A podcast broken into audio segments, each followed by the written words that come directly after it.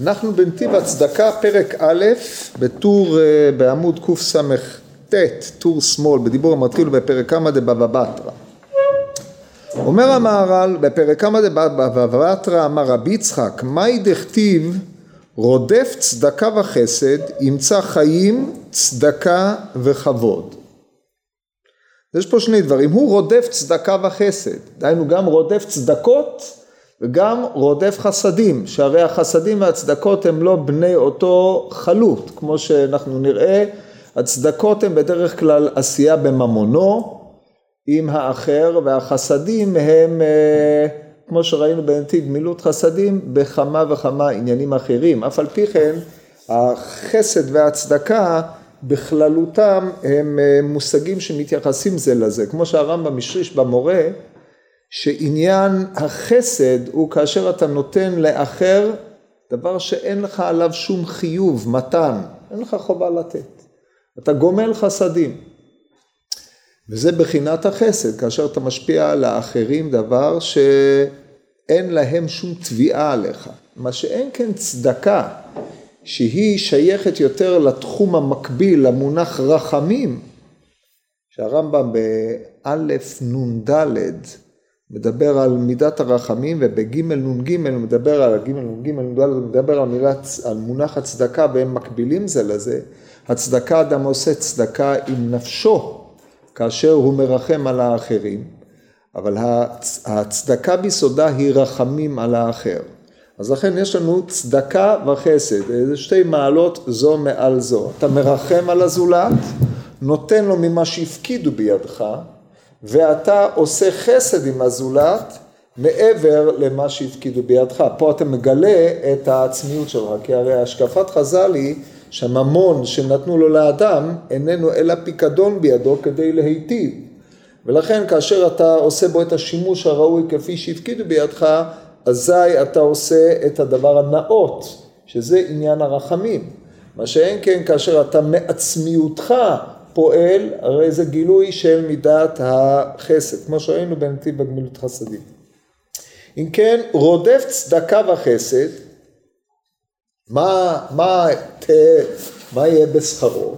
ימצא חיים, צדקה וכבוד. אז אם אתה רודף צדקה, תמצא צדקה. מה, מה הפשט בזה? אז אומר פה, אומרת הגמורה, משום דרודף צדקה ימצא צדקה? הרי לכאורה רדיפת הצדקה היא איננה אמורה להמציא לך צדקה, דהיינו שאתה תזדקק לכאורה לצדקה. אני כל עצמי לא רדפתי אלא לעשות צדקות לאחרים, סופי, שאני מתגלגל להזדקק לצדקה, אז מהי הצדקה שאני אמצא בעקבות רדיפת הצדקה? אי אפשר לומר שאני אהיה מהנרדפים שירדפו אחריהם כדי לתת לי צדקה, באשר אני רודף צדקה. אומרת הגמור אלא מי שרודף לעשות צדקה הקדוש ברוך הוא ממציא לו מעות לעשות בהם צדקה. זאת אומרת רודף צדקה ימצא צדקה. כמו הסיפור המפורסם שמופיע בויקרא רבא על אבא יהודן מופיע בכל עשו חכמינו לא זוכר איזה כרך כי כבר מאז לא השפשתי בספר שנים רבות על רבות.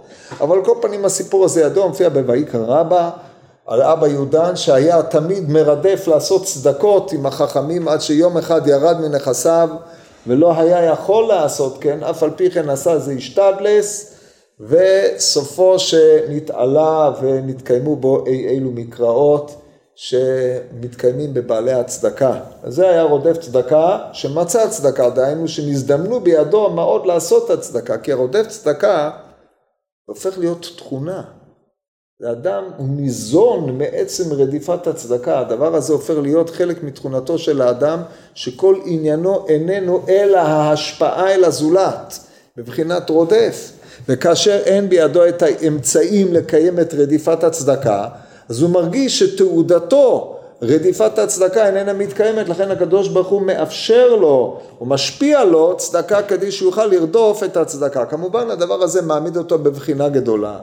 מפני שאם מי שהוא רדף את הצדקה והקדוש ברוך הוא השפיע לו עושר רב, הוא מפסיק להיות רודף הצדקה, אז נמצא שרדיפתו היא לא לרועץ, מעין מה שדיברנו בשיעורי הגדה על מרים בת עצי עלי בצלים, שלהי אוקימתא שהיא צמה כדי לכפר על עוונותיה, הפך הצום להיות איכי תמצא כדי לעבור עבירות, כן? זה, המנגנון הזה הוא מנגנון תמידי שהוא תמיד ניסיון או לאדם, שכל עוד נשמת רוח חיים באפיו של אותו אדם, הוא לעולם לא נמלט מן הניסיון. זה דבר שצריך לדעת. מכל מקום, זה שכרו בעולם הזה, שהוא ימצא צדקות, דהיינו מעות, כדי לעשות בהם צדקה, זאת דעתו, זו הדעה הראשונה בגמרא, דעתו של רבי יצחק. רב נחמן בר יצחק אמר, הקדוש ברוך הוא ממציא לו בני אדם המהוגנים לעשות בהם צדקה. מה העניין? כדי לקבל עליהם שכר ממאי לאפוקי ממאי לאפוקי מדדרש רבא דדרש רבא מאי דכתיב יהיו מוכשלים לפניך בעת ההפכה עשה בהם מי? יפה במי? אנשי ענתות אנשי ענתות כידוע לכם אמרו לכו ונשחית העץ ולחמו ונחידנו מארץ החיים. בקיצור הם יטענו לירמיהו מפני שהוא ילך עליהם אימים והוא היה נביא הזעם והם לא יכלו לסבול את זה. אז אפילו קרוביו כולם החליטו להרעיל אותו, נשחית העץ בלחמו. אז אומר ירמיהו עליהם יהיו מוכשלים לפניך בעת אפך עשה בהם. מה זה בעת אפך עשה בהם? אומרת הגמורי אמר ירמיה לפני הקדוש ברוך הוא ריבונו של עולם אפילו בשעה שכובשים את יצרם ומבקשים לעשות צדקה אך שילם בבני אדם שאינם מהוגנים כדי שלא יקבלו, עליה, לא יקבלו שכר עליהם. זה נורא ואיום.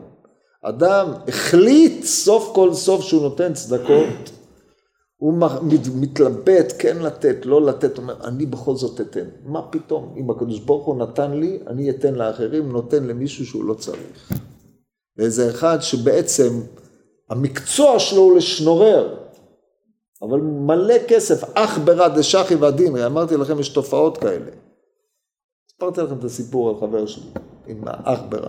והיו, יש עוד אח ברעים כאלה, דשחי ודין, יש יהודים בירושלים, בזמנו כשהייתי תלמיד בתיכון, ישיבה תיכונית, היה אחד מפורסם שהיה, כולם ידעו שזה חלק מהעניין, זה הפרנוסה שאבא שלו לימד אותו כדי שלא יזדקק לבריות, להזדקק לבריות. ו... אז במקרה כזה אתה לא מקבל שכר על הצדקה שאתה עושה. כבשת את יצרך, מסרת את לחמך, זה כמו שלקחת את הכסף שלך וזרקת אותו. ואתה עוד מצפה לקבל עליו שכר אחרי כל ההתעמלות הנפשית? מה תגידו? זיל בתר כבונה? לא. אם לא הועלת בצדקה, אין עליה שכר. למה לא? מפני שכשאתה נותן צדקה למישהו שאתה לא מועיל, אתה מזיק לאדם שנתת לו. אין לך נזק גדול מזה. לתת למישהו צדקה כשהוא לא צריך אותו. מפני שהוא הולך ומתעתע באחרים.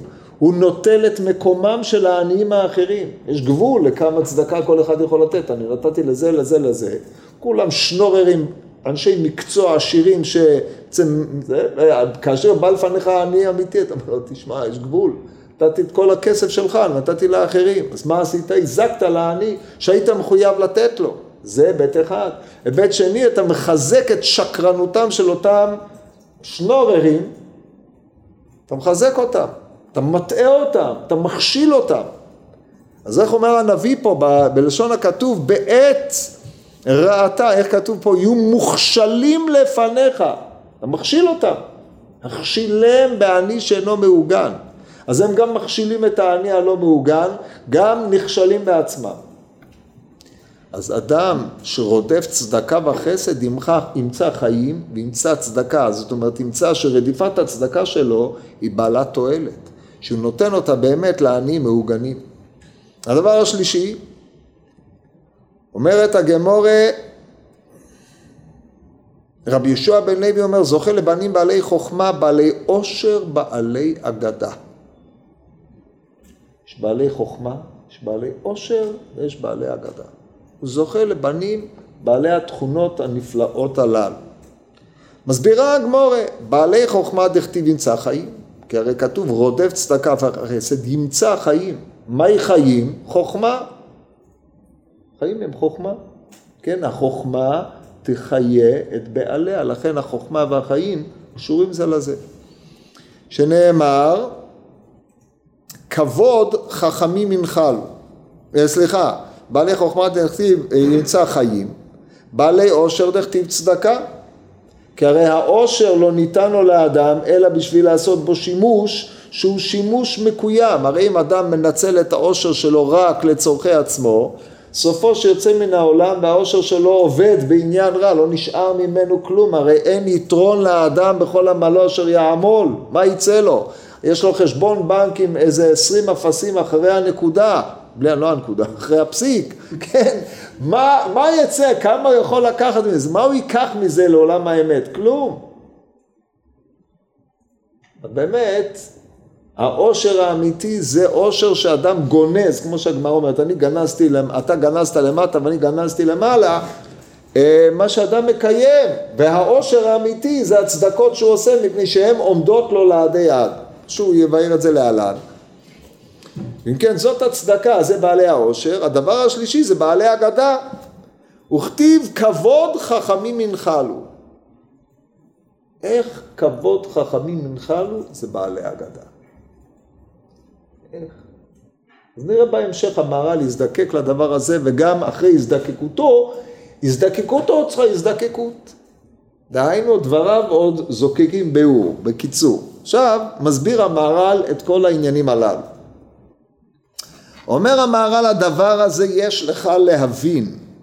דהיינו, יש לך להבין את ייחודה של הצדקה שנובעים ממנה שלושה העניינים הללו. העניין האחד שצדקה מרבה לך את האפשרות לעשות צדקה, צדקה, רדיפת הצדקה, לא מדובר על עשיית הצדקה כשלעצמה, אלא רדיפת הצדקה מרבה לך את הצדקה, מקיימת את פעולת הצדקה שלך, ועוד מולידה לך בעלי בנים, בעלי חוכמה, אה, עושר ואגדה, כמו שנראה. אומר המהר"ל, הדבר הזה יש לך להבין. כי מיוחד הצדקה בדבר זה, כי הצדקה שהוא משפיע על האחרים, כל אשר נכנס במידה זאת, השם יתברך מסייע לו מלמעלה. ומה מסייע לו השם יתברך, הקדוש ברוך הוא? בממון, שיוכל להשפיע. זאת אומרת, עיקר עניינו של הצדקה הוא שאדם נעשה משפיע על האחרים. עכשיו האדם מעצמו אין לו ממה להשפיע, האדם הוא כלי קיבול, הוא מקבל, אין לו ממה להשפיע, אלא אם כן הוא מתחבר לבריכה הגדולה, שזה מקור ההשפעה שהוא השם יתברך, הוא נעשה צינור להשפיע דרכו אל העולם. מתוך שהוא נעשה צינור להשפיע, דהיינו הוא מעמיד את מה שיש בו בתורת מה שהשפיעו לו, כדי להמשיך להשפיע הלאה, אז מי שמתחבר אל הצינור הזה, אז הוא נעשה מרכבה להשפעה, אותו עיקרון ראינו שהמהר"ל אמר כבר עם הנחלים הגדולים והנהר הגדול, מי שמתחבר אליהם בנתיב גמילות חסדים, שהרי זה עובד באותו עיקרון. כי מבחינה זו על כל פנים צדקה זה סוג של השפעה. וזה מה שאומר המהר"ל, הצדקה עניינה השפעה לאחרים. כל אשר נכנס במידה הזאת, השם יתברך מסייע אליו מלמעלה, מפני שבעצם בזה הוא נעשה כביכול יד האריכתא של השם יתברך להביא חיות, קיום אל מי שזקוק לו. מי שלא זקוק לו, מביא לו השחתה. ולכן אה, זה בעיה אם הוא אם אני לא מהוגן. אבל מי שזקוק לו, הצדקה הזאת מביאה לו חיות, מביאה לו קיום. וזה כי המשפיע דומה למעיין. כי כאשר המעיין משלח מימיו למרחקים, כן המשפיע לאחרים. לכך השם יתברך אשר הוא מקור המשפיע אל הכל, כן? זה נקרא מקור החיים, ספירת הבינה, שהיא השורש המשפיע, שהיא מתקיימת בעולם הבריאה לצורך המשם מכאן הבינה, היא משפיעה אל האדם, האדם מתחבר אליה, הוא נעשה בעל צדקות, חסד, שמקבל ישירות מן הבינה, והוא משפיע את הצדקות בעולם הזה, מושך ממקור החיים. ולכן אומר המהר"ל, השם יתברך אשר הוא מקור המשפיע על הכל משפיע אליו כדי שיוכל להשפיע. כמו שמעיין כאשר מימיו מתפשטים לחוץ, הנה המקור משפיע אליו עוד מים שלא יחסר. זאת אומרת, אם, כמו שהוא מסביר תכף, וכל שמוסיף לקלח המעיין לחוץ, המקור יותר נותן. ואם אין המעיין משפיע לחוץ, אין המקור נותן לו. המעיין זה הנביאה, זה לא המקור. הנביאה עצמה יש לה שורש. דהיינו המי תהום שיוצאים, פורצים החוצה. אם אתה סותם את המעיין, אתה סותם את הנביאה, אין, לא, לא, לא בא מלמטה כלום, נסתם. מעיין נרפס, מקור מושחת, מה כתוב? צדיק מת לפני רשע. אז זה מה, מה זה צדיק מת לפני רשע? צדיק לא יכול להשפיע, הרשע סותם. וצדיק מת הוא צדיק שהוא בעצם נטול פה, לא יכול להשפיע את צדקותו. זה מעיין נרפס, מה זה נרפס? רמסו אותו, סתמו אותו, מלוכלך. ואם כן, האדם, כדי שיעשה מעיין משפיע, אם הוא נעשה מעיין משפיע, אז אכן הוא יכול להמשיך להשפיע. מה, טוב, טוב, מה יצא לי מלהשפיע? אם, אם השאלה היא, טוב, אז מה יצא לך? אז עשית צדקות. אני אמור, אמור לצאת לי משהו מזה. מה יצא לי מזה שעשיתי צדקות, שאני ממשיך לעשות צדקות? מבחינת שכר מצווה ומצווה? פה צריך להעמיד את הדברים על דיוקם, זה השקפה מוטעית לחלוטין. אחד, תכליותיו של האדם הוא לעשות מרכבה לשכינה, להמשיך את כוח ההשפעה של השכינה לארץ. ואם אתה נותן צדקות, רודף צדקות, ואתה רואה שמשפיעים לך עוד, אז סימן שהקדוש ברוך הוא שמח במעשיך. סימן שאתה עושה נחת רוח לאביך שבשמיים, סימן שנעשית אמצעי, את אותו מעיין המשפיע על החוץ והמקור משתמש בך, משפיע דרכך. אתה דבק דבקות עצומה בהשם יתברך בעצם העובדה שאתה עושה את הדברים האלה. זה מעלה אדירה. אם אתה מחפש תכלית לדבר הזה, אז אתה לא הבנת בכלל את כל עניינו של האדם. שהרי כל עניינו של האדם זה הדבקות בהשם יתברך. ובו תדבק, זה התכלית. ואתם הדבקים בהשם אלוקיכם, חיים כולכם היום. במה מתבטאת הדבקות? בזה שאתם חיים. במה מתבטאת החיות? בזה שאתם משפיעים, כי זה עניינו של החיים. אתה פה מסלק את האגו שלך לחלוטין בפני הרצון האלוקי, בזה אתה ממוזג, אז נעשה רצונך רצונו, שזה מעלה אדירה ביותר. זה סימנו של האדם, אדם שרודף צדקה, אם יש לאל ידו להמשיך ולעשות צדקות, חפץ השם בידו יצלח, זה מה שהוא אומר. זה הרעיון של המעיין, זה הביאור הראשון. ודבר זה בחינה גדולה מאוד. שכל אשר מוסיף לעשות צדקה, השם יתברך משפיע על לעשות צדקה, כמו שנראה מן המעיין אשר משפיע מימיו לחוץ, אז המקור משפיע לו. זה בחינה גדולה מאוד. אם אתה באמת רודף צדקה, אתה חייב, אז נשמיים יסייעו בידך. וזה בחינה לאדם.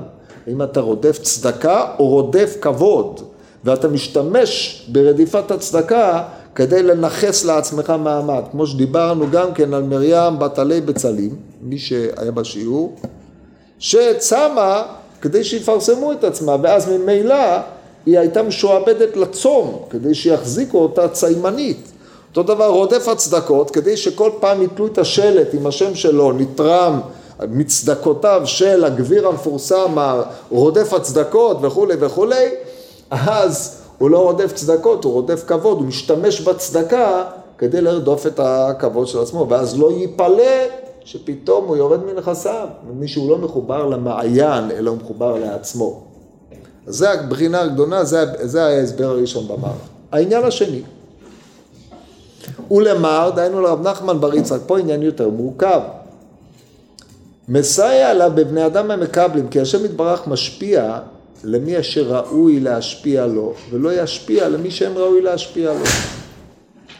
כי נקרא צדקה שראוי שיהיה בצדקה הצדק. צדקה זה צדק ה', כמו שאומר הרמב"ם. צדק זה עשיית הדבר הנכון. כשאתה נותן למי שיש לו ועל ידי כך אתה מחסר ממי שאין לו, לא עשית צדק, עשית עוול. כי זה שיש לו בעצם נטל ממי שאין לו. אתה קיימת את העוול הזה. וזה צדק, זה לא צדק במדינה, אלא זה רש בעושר במדינה. ואשר על כן, הצדקה היא רק אם בנתינתה מתקיים הצדק. אומר המהר"ל לפי זה, כאשר הצדקה היא לאדם אשר ראוי אליו הצדקה. פירוש הכתוב לפי זה רודף צדקה ימצא הצדק הגמור. דהיינו, הקדוש, הקדוש ברוך הוא מסייע לו שימצא בני אדם מעוגנים שזה צדקה גמורה. ולא נקרא כלל השפעה כאשר המקבל אינו הגון, רק השחתה נקרא. הסברנו למה. עכשיו לפי זה יוצא איך הוא, קורא, איך הוא קורא את הפסוק. לפי המאן דאמר הראשון רודף צדקה וחסד, ימצא חיים. חיים זה כוח השפעה. חיים בעצם, מה שהוא מפרש, ימצא חיים וצדקה. ימצא חיים על ידי הצדקה, כי כמו שאמרנו החיים זה כאשר אתה מחובר אל מקור החיים, בחינת מעיין שמחובר אל מקורו. אז הוא ימצא חיים ומציאות החיים, איך תבוא לידי ביטוי או במה היא תהיה מגולה או מה תהיה בחינתה, ימצא כבוד, אה, ימצא צדקה. ומתוך שימצא צדקה, ימצא כבוד. מה זה כבוד? למען יזמרך כבוד ולא ידום. אין כבוד אלא מעלת הנפש האמיתית. זה הנצחיות של האדם. יזמרך כבוד ולא ידום. אומר הרזה בהקדמת הש"ס, אתם יודעים מה זה הרזה בהקדמת הש"ס? בעל המאור, תסתכלו מה הוא אומר שם. וזהו, אני לא צריך להגיד לכם. טוב, אז זה ימצא כבוד. זה הכבוד הסופי, זאת אומרת, זה הדבר האמיתי, זה כבודו של האדם שהוא כבוד שמיים, שהוא דבק בכבוד שמיים. זה לפי הביאור הראשון. לפי הביאור השני, רודף צדקה וחסד, ימצא חיים וצדקה. הוא ימצא חיים על ידי זה שימצא צדקה. איזה חיים הוא ימצא? לא חיי עצמו, כי הוא הרי צריך לתת ביאור אחר מהביאור הראשון, ימצא חיים על ידי זה שהצדקה שלו תהיה באמת צדק, דהיינו הוא, הוא משפיע חיים אל האחר, באשר האחר המקבל הוא מהוגן, אבל אם האחר המקבל הוא לא מהוגן, לא זו בלבד שהוא לא מצא חיים, אלא גם צדקה הוא לא מוצא, כי אין פה צדק אלא השחתה. זה ההיבט השני. אם תשאלו ותאמרו, הרי מה, מה, מה זה, זה לא הוגן. אם אתה רודף צדקה, מה פתאום שהקדוש ברוך הוא יכשיל אותך באנשים שאינם מעוגנים? למה זה יקרה? אז קודם כל צריך לדעת שבחברה שאין בה נותני צדקה, יש כאלה עניים, אסור להם להיכנס, כמו סדום. אין, אין כניסה לעניים, שנוררים לא נכנסים פה, אין. אתה נכנס, אתה צריך להיכנס בשעות מסוימות כשאף אחד לא נמצא שם. בקיצור, יש, יש חברות כאלה, כן? אסור לתת צדקה לעניים. ו...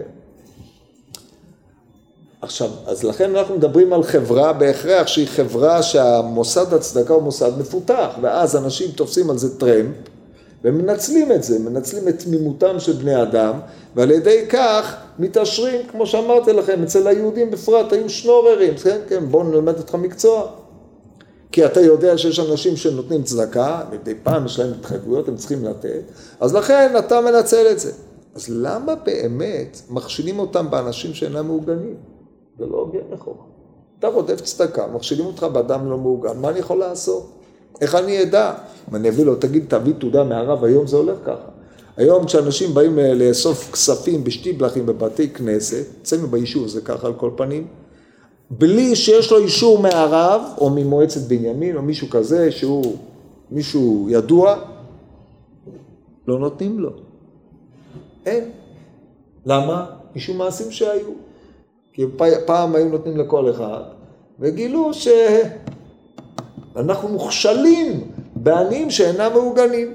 לכן אין לו רשות לבוא לעמוד בבית הכנסת אחרי התפילה ולומר להם, תראו רבותיי, אני במצב זה וזה, וכל הנאום שהוא צריך לתת, לפני שהוא מראה את האישור לגבאי. עכשיו, זה לא רק אצלנו ביישוב, זה נכון בהרבה יישובים, כל מועצת בנימין זה ככה. זה בגלל העניים שאינם מעוגנים. אבל למה צריך להגיע לידי כך? למה אדם שרוצה לעשות צדקות מוכשל בזה? זאת שאלה יסודית שהמהר"ל לא עונה עליה, אבל אנחנו צריכים להבין אותה בפשיטות. בעצם הוא, הוא רמז לה בהתבוננות באנשי ענתות אשר רצו להשחית עץ בלחמו. זה לא משהו בדיוק שאם אתה תרדוף אז השם יעזור שאתה לא תגיע לאנשים כאלה? ודאי, ודאי. אז זה אותו דבר כמו שאמר המהר"ל קודם, זאת בחינה, גם זאת בחינה. אם אתה באמת רודף צדקה, כל מה שמעניין אותך לעשות זה להשפיע חיים אל האחר, אז תמצא צדקה.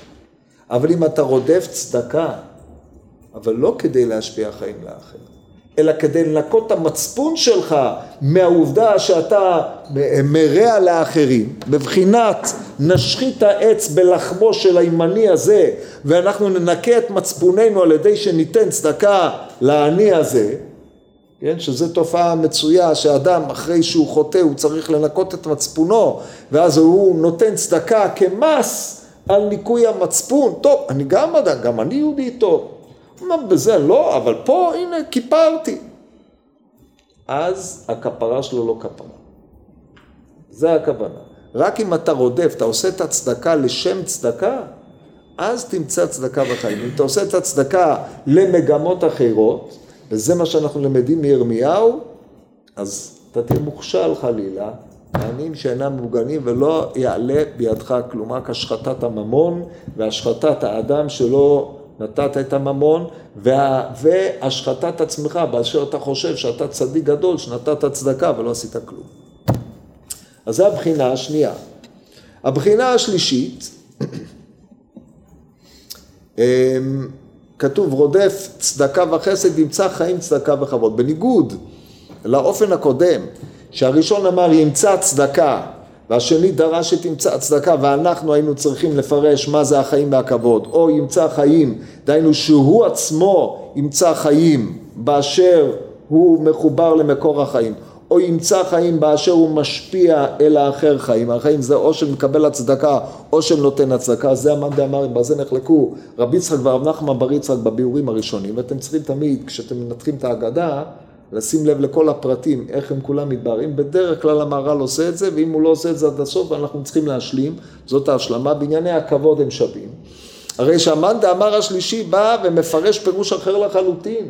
רודף צדקה וחסד ימצא חיים צדקה וכבוד, חיים צדקה וכבוד לפרשנותו של המהר"ל הם, הם של, שלושה בנים, בן חכם, בן עשיר ובן בעל אגדה. נראה בפנים. אומר ככה,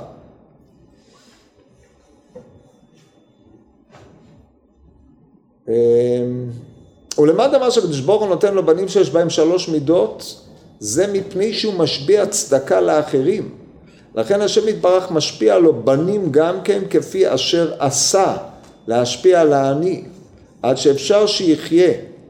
ולכך משפיע לו השם יתברך בנים בעלי עושר וכולי. מה זה בנים? בנים זה מה שנבנה ממנו. הקיום של האדם הוא בבניו, זה, ש, זה מה שעומד ממנו, כן, מלבד הקיום בעולם הבא של נפשו, אבל קיומו, עמידתו של האדם זה מה שהוא בנה, כמו שהגמרא בנזיר, מי שלמד את הדף יוימי, על זה על מנת שיהיה לי בן, בן זה בניין, לשון בניין, מי שבונה ממנו, הגמרא שללה את האהבה אמינה הזאת, אבל אה, כל פנים זה העניין, זה הבניין, הקיום של האדם. אז יש לו שלוש בחינות של קיום. במה שהם אומר ככה, אה, כי משפיע לו בנים שהם בעלי השפעה, כי במה שהם עשירים הם משפיעים לאחרים, הם גם כן בעלי חוכמה להשפיע מחוכמתם לאחרים, וכן בעלי אגדה שדורשים ומשפיעים לאחרים, יש לך שלושה מיני השפעה השפעת הצדקה, שזה בעלי עושר, הוא מעמיד אחרים שממשיכים בהשפעתו, כי הרי זה שאחד מהתכונות שאדם משתוקק להם שהוא יעמיד אנשים אחרים שגם להם יש חיות. דהיינו שבניו לא יהיו נפלים, אלא בניו יהיו בני חיות. בני חיות הכוונה לא רק שיש להם חיות ביולוגית, אלא גם חיות נפשית, והם משפיעים על הזולת. אז ישנם שלושה מיני השפעה שמעמיד המהר"ל. ההשפעה הראשונה היא השפעת הצדקה, ההשפעה השנייה היא השפעת החוכמה, ההשפעה השלישית, בעלי אגדה. מה הם משפיעים? חוץ מספר סיפורים. אומר רבי מאיר רצונך שתכיר את מי שאמר והיה העולם, לך למוד אגדה. אגדה, לשון בארמית, גוד זה משוך, אגדה דברים המושכים את הלב, המקרבים את בני ישראל לאביהם שבשמיים. בדברי אגדה, כה תאמר לבית יעקב ותגד לבני ישראל, לבית יעקב זה דברים רכים, ובית ישראל דברים קשים כגידים, זה הלכות, ולאנשים אתה מספר צנע אורנה, דברים שהם מושכים את הבריות, שהלב נמשך אחריהם כדי לקרב אותם אל אביהם שבשמיים, לעורר את הדבקות. זה בעלי אגדה, יש להם תפקיד, זה אסכולה. אשר על כן אומר, אומר פה המהר"ל, בזה הם טובים ומשפיעים לכל הבריות. זאת אומרת, יש פה ריבוי. אתה אמנם נתת צדקה רק למי שפשט יד, או למי שלא פשט יד, מי שהיה חסר את אותה צדקה. הקדוש ברוך הוא נותן לך של... השפעה, נותן לך בנים שמשפיעים בכל הממדים, לכל הבריות. אם אתה לא תלמיד חכם, אבל אתה נתברכת באושר יתר, או שאתה אדם חכם ונתברכת בעוני מופלג, והדבר היחיד שאתה יכול לתת זה רק חוכמה, או שאתה אדם שנתברכת בלשון לימודים ויודע להמליץ את דברי החכמים להיות מגיד מישרים. כמו שהיו מסתובבים מגידים בקהילות והיו עולים ודורשים ומספרים אה, דברים כאלה, לעורר את אה, ליבם של הציבור. אז אתה רק בעל מלאכה אחת, אבל אם אתה נהגת במידת הצדקה הזאת, רודף צדקה וחסד, אתה תמצא או תעמיד בנים שפועלים בכל המישורים לכל הבריות. זה האופן שבו המאן דאמר השלישי מפרש את הדברים. כי כאשר הם בעלי עושר אז הם יכולים להשפיע מעושר שלהם לעניים אשר הם צריכים לדבר זה ובעלי החוכמה להשפיע מחוכמתם לחכמים. ואם אינם מקבלים כל כך חכמים נניח שאתה כולך גאון אדירים בתורה כולך נתון בהוויות הבית ורבה בעומק הלומדה של הסוגיות יושבים לפניך בעלי בתים אתה בא לתת להם שיעור. ואתה מתחיל פלפל איתם כמו הסיפור המפורסם על מעשה שהיה, שהגיע רב גאון עולם לאחד הקהילות ודרש דרשת שבת הגדול בסוגיית טעם כעיקר. אחת הסוגיות החמורות בש"ס, סוגיית משרת, פסוקים דף מ"ג, זבחים צדיק ז', סתיר עבודה זרה, ס"ז, מי שלמד איסור ותר יודע, סוגיה חמורה ביותר. דרש ארבע שעות הציבור מחמת כבודו של הרב ישבו דוממים, תרתי משמע. ולאחר מכן בא אליו הרב אחד אמר לי יישר כוח אבל תגיד לי איזה סוג כיכר אתה מדבר עליו? כיכר לחם או כיכר חיטים או כיכר שעורים? אז הוא עמד בשוק מה אתה אתה לא רואה איזה ציבור עומד לפניך? זה חכם שההשפעה שלו אל הציבור לא הועילה להם כלום. לכן במקרה כזה שהציבור הוא ציבור של בעלי בתים אתה צריך להתאים את עצמך אליהם, אבל אדם שהוא חכם גדול מתעסק בכל הפלפולים וההוויות, לא תמיד מוחו נתון לדבר דברי אגדה מושכים את הלב על הציבור, מפני שלפעמים הוא עז וכולו ריתחא דאורייתא, וכאשר נדרש לדבר איתם בדברים בלשון לא פשוטה, זה לא פשוט, כמו שאומרת הגבור בטייניס, עצובה דרבנן דרתך, אורייתא ודמרתחנא בי.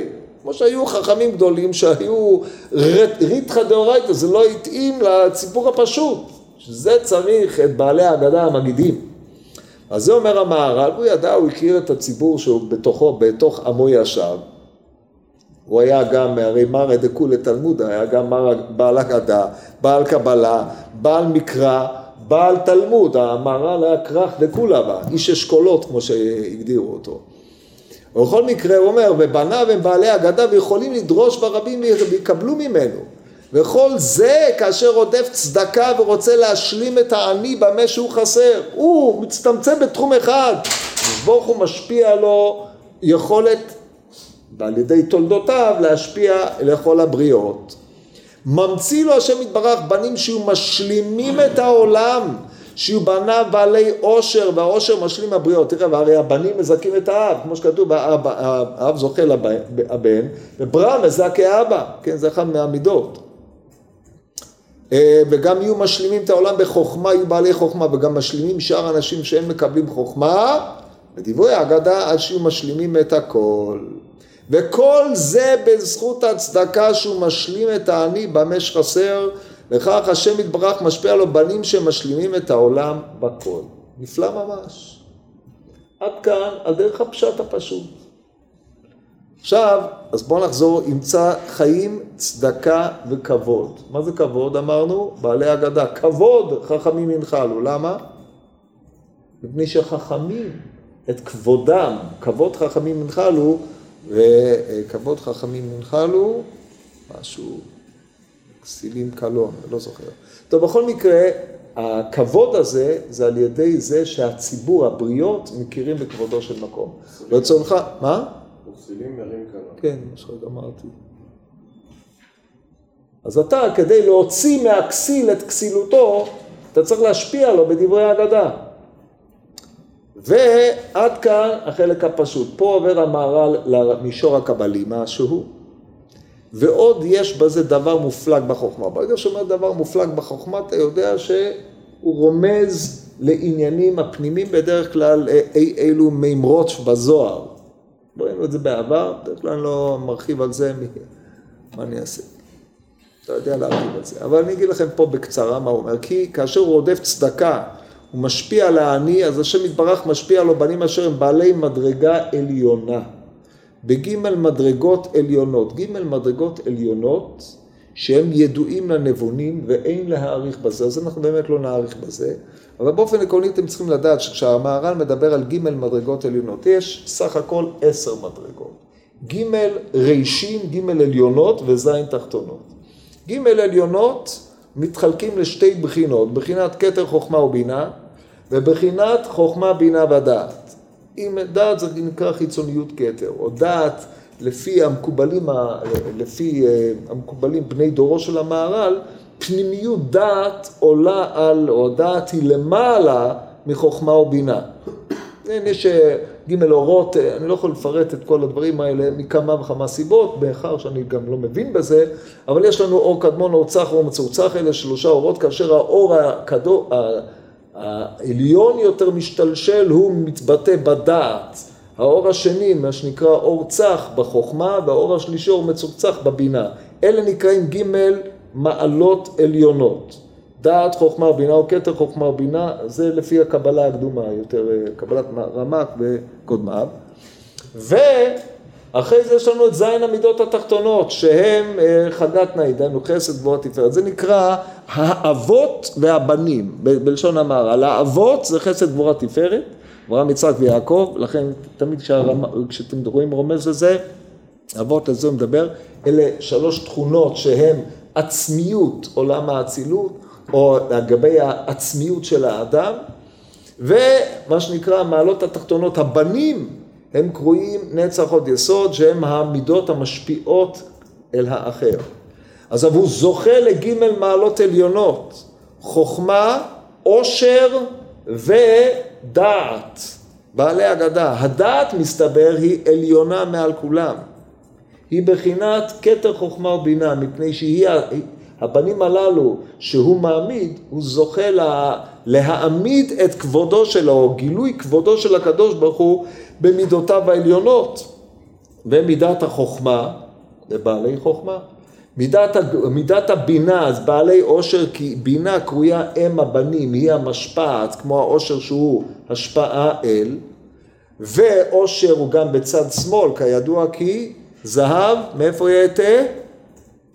כתוב באיוב, זהב מצפון יעטה, כן? זה הצד שמאל, זה צד הבינה, והאגדה, בעלי האגדה הם החלק היותר עליון, הם נקראים הכבוד, הם בחינת הכתר, דהיינו גילוי כבודו של הקדוש ברוך הוא בחינת מה שאמרנו, הרוצה להכיר את מי שאמר והיה העולם, ילמד אגדה.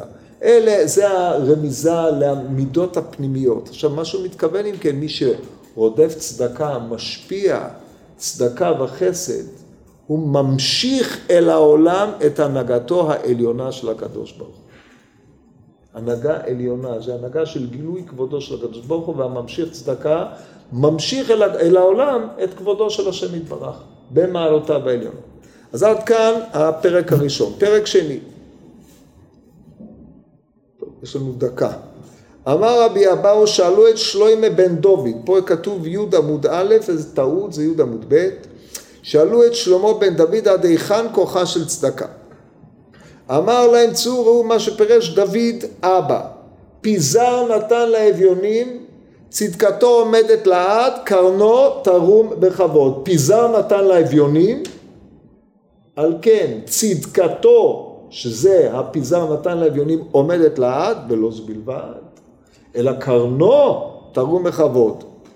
רב ואמר מאחה, הוא מרומי משכון, מצדות צלעים משגבו, לחמו נתן מימיו נאמנים. זאת אומרת, מאחר שלחמו נתן ומימיו נאמנים, על כן הוא מרומי משכון, שזה מקביל לקרנות ערום בכבוד, ומצדות צלעים משגבו.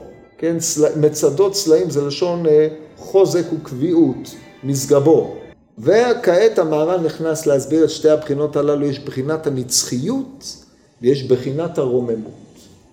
ושתי הבחינות הללו הן שכרה של הצדקה, ואת זה בעזרת השם נראה